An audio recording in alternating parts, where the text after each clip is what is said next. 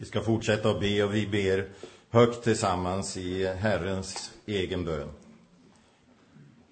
Vår Fader, du som är i himlen. Låt ditt namn bli helgat. Låt ditt rike komma. Låt din vilja ske på jorden så som i himlen. Ge oss idag det bröd vi behöver och förlåt oss våra skulder liksom vi har förlåtit dem som står i skuld till oss. Och utsätt oss inte för prövning, utan rädda oss från det onda. Ditt är riket, din är makten och äran i evighet. Amen.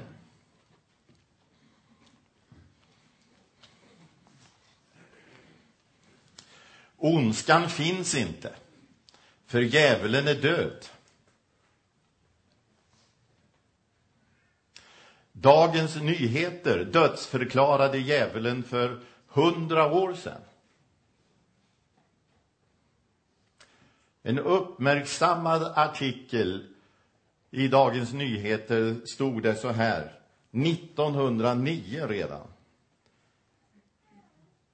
Djävulen, han borde inte finnas i en så högtstående civilisation som den västerländska åren efter sekelskiftet.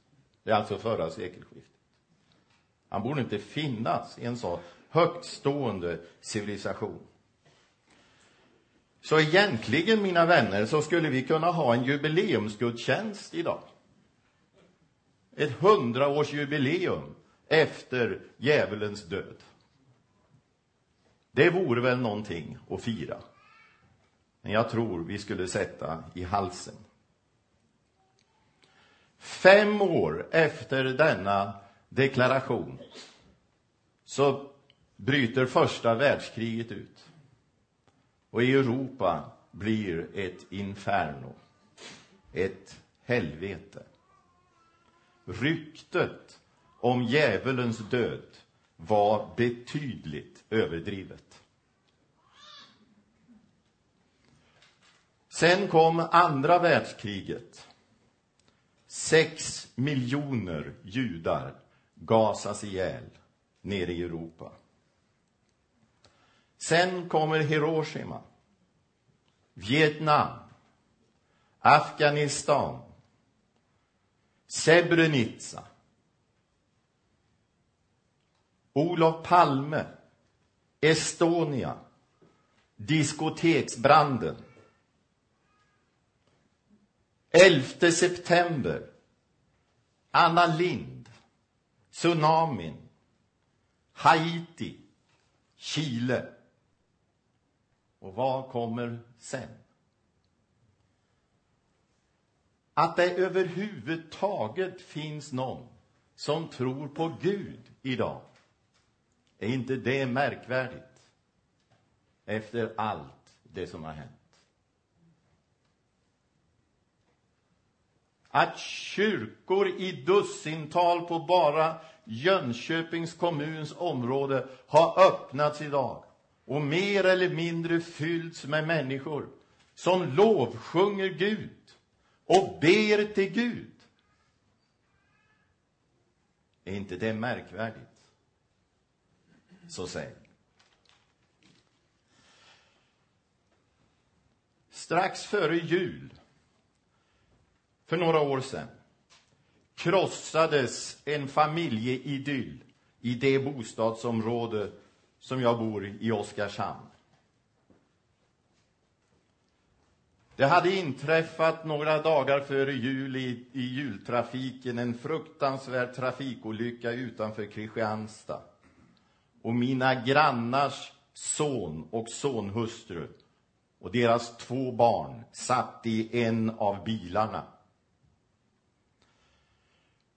Plötsligt var de som var som hade barnbarn var farföräldrar, farfar och farmor. Plötsligt så blev de föräldrar därför att mellanledet var borta i den här trafikolyckan. Det var bara barnen kvar och farfar och farmor. Så vad jag hade att göra efter julottan det året, istället för att sätta mig hemma och mysa vid en försenad frukost, som vi präster och pastorer ofta gör. Istället för den frukosten fick jag gå in till min granne och prata om detta fruktansvärda på juldagen. En av de mest harmoniska, idylliska dagar på året. Mannen i huset hade tänt den öppna spisen. Det ligger travar med böcker på bordet. Och han säger, eller jag frågar, vad, jag förstår du har fått dem här. Ja, sa han. Hjälper det dig? Ja, sa han. Den där, sa han. Den, den är rätt bra. Sa den här, sa han, han vet inte alls vad han skriver om. Ta en annan bok. Här har jag fått lite hjälp, men de flesta där, de vet inte vad de skriver om. Det hjälper inte mig. Frun orkar inte vara med, men vi sitter där för den sprakande brasan och han berättar, tårögd. Till slut så säger jag, har du aldrig tänkt att du skulle överge din tro och vända Gud ryggen? Har du aldrig tänkt att den utgången finns? Efter en stunds tystnad så säger han, Torbjörn, jag har försökt, men det har inte hjälpt mig. Jag tror inte att jag ska behöva skriva ner det citatet i någon dagbok. Utan jag tror att jag kommer nog att minnas det livet ut. Lågmält. Du ska veta, Torbjörn, jag har försökt. Men det har inte hjälpt mig. Så nästa gång när du blir arg på Gud för att det händer något av detta tragiska ute i världen eller i ditt liv så kan du ju försöka. Men det kommer förmodligen inte att hjälpa dig. Utan det som har hjälpt tusende och miljoner människor i denna världen och i dessa situationer, det är inte att överge Gud, utan det är att söka sig närmare Gud. Och många har gjort det. Och en del har kommit mycket, mycket nära Gud.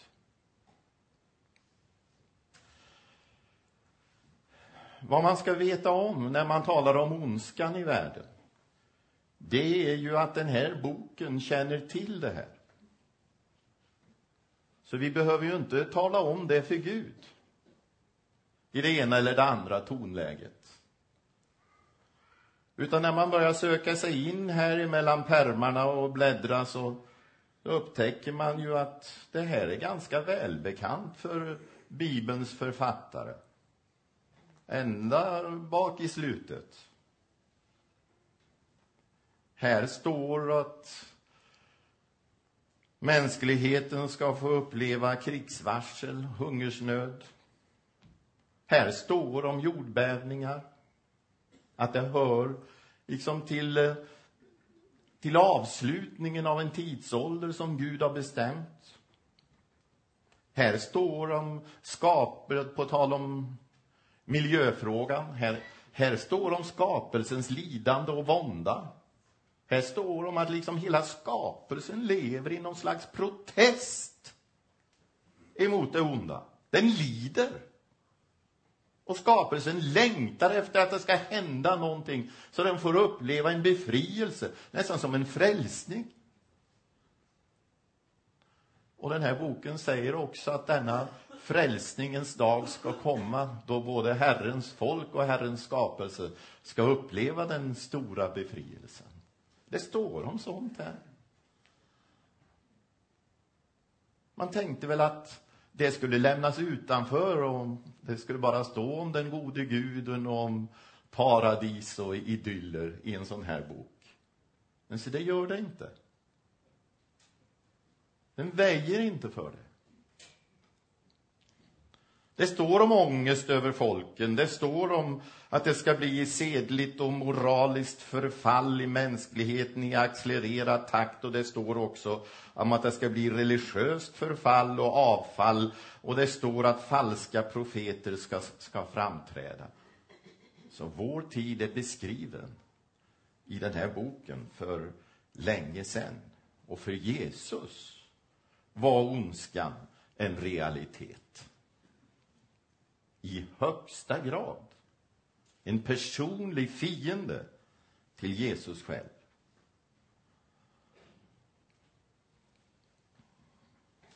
De här tecknen ska vi ge akt på, står det. Ge akt på tecknen, säger Jesus.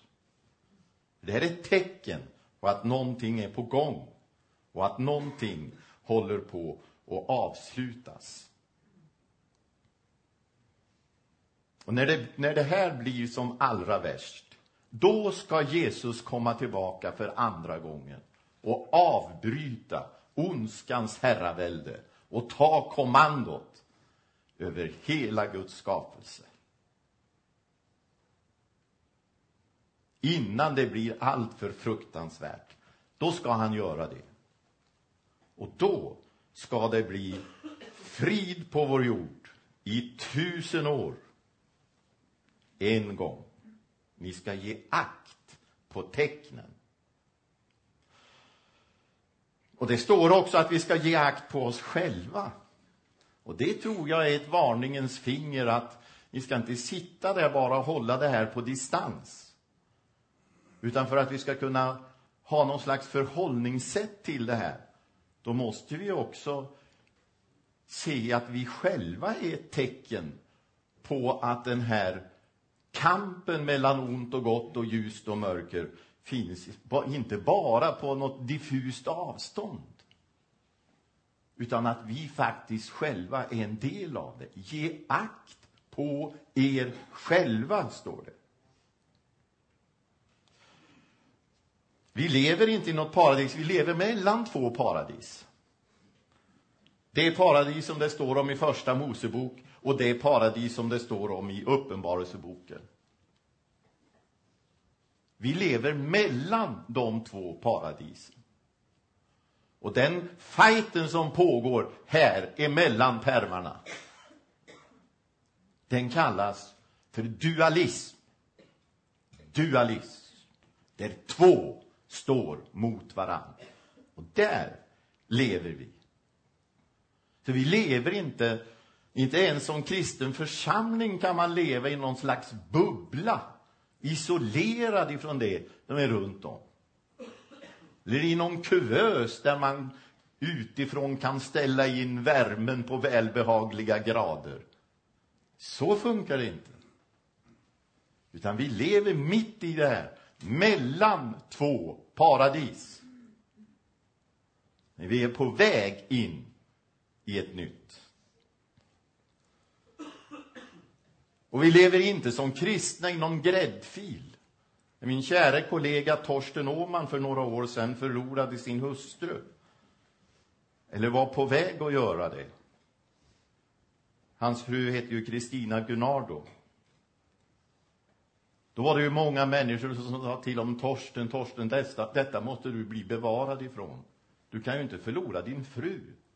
Du som har en sån tjänst i Guds rike och hon som har en sån fantastisk sångröst och en sån tjänst på sångens och musikens område. Detta, Torsten, får inte ske. Gud bevare dig. Men Gud bevarade inte Torsten ifrån detta. Utan han säger med stor trygghet till folk som ville lyssna på honom. Jag har inte som pastor eller evangelist fått någon gräddfil in i himlen. Jag har ingen gräddfil. Och det har inte du heller. Det kanske du redan har märkt. Nu står det så här, låt dig inte besegras av detta utan du ska besegra det onda med det goda. Tecknen på det ondas närvaro är tydliga. Men nu gäller det att göra tecknen på Guds närvaro i vår värld ännu tydligare. För de finns. Det lyser stjärnor som löften. Och Gud skickar sina hälsningar av tröst och hopp till oss i olika situationer. Jag sa, eller gissade, hur många tiotal kyrkportar som har öppnats idag på söndag morgon och människor har mött. Är inte det ett tecken? Hur många hus finns det inte på några kilometers avstånd som har korset som ett tecken på sina fasader eller tak? Är inte det ett tecken? Korset, ett segerns tecken.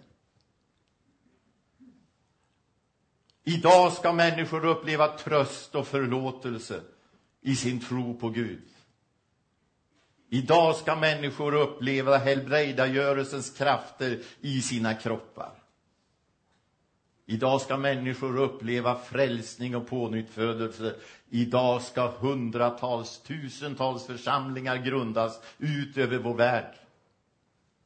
Och väckelsen ska fortsätta att brinna i världsdelar och länder långt bort ifrån vår. Det är ett tecken på Guds närvaro i vår värld idag. Och jag skulle vilja eh, tillägga, om detta må vi berätta.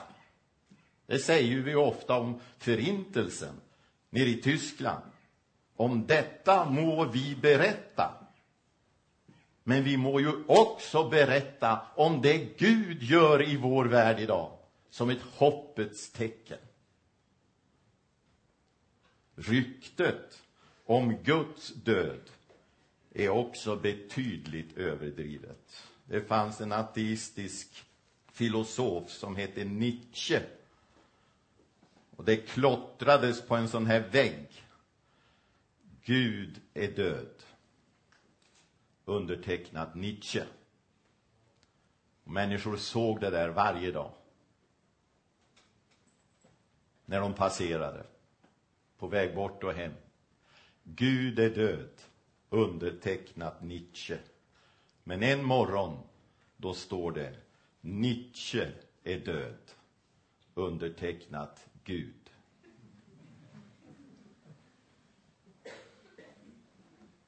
Det kommer en dag då ondskan ska mista sin kraft.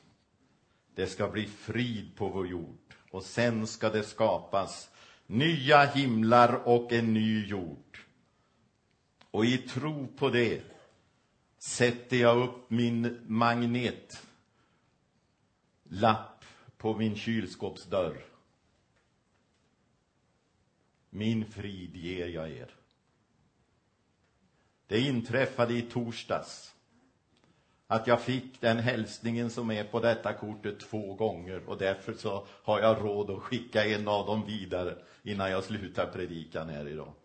Jag fick den först när vi hade bön upp i andaktsrummet på torsdag morgon klockan tio. Genom Lisette, jag vet inte om du är här. Men jag fick den i alla fall där. Sen gick det bara några timmar så fick jag av en god vän den här magnetlappen i min hand. Som jag kan sätta, sätta upp där. Och det är samma innehåll. Min frid ger jag er. Känn ingen oro. Tappa inte modet. Och jag skulle, som, som, som en fortsättning på det stod, du ska besegra det onda med det goda. Så skulle jag vilja skicka ut det här ordet.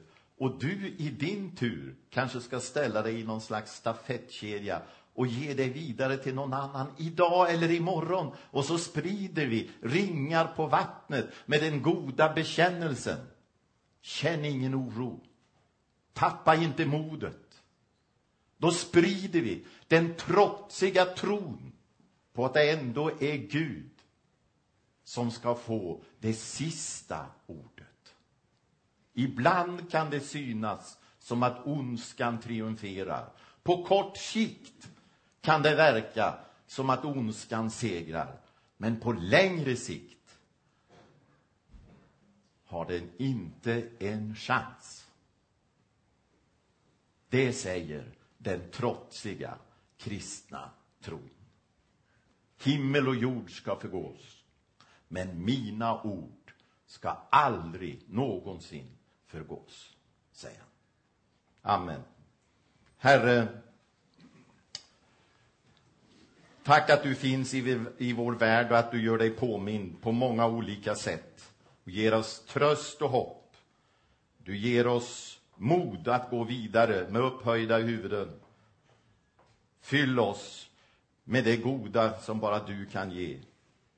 Och hjälp oss att vi inte besegras utan att vi kan gå vidare mot den framtid som du har förberett.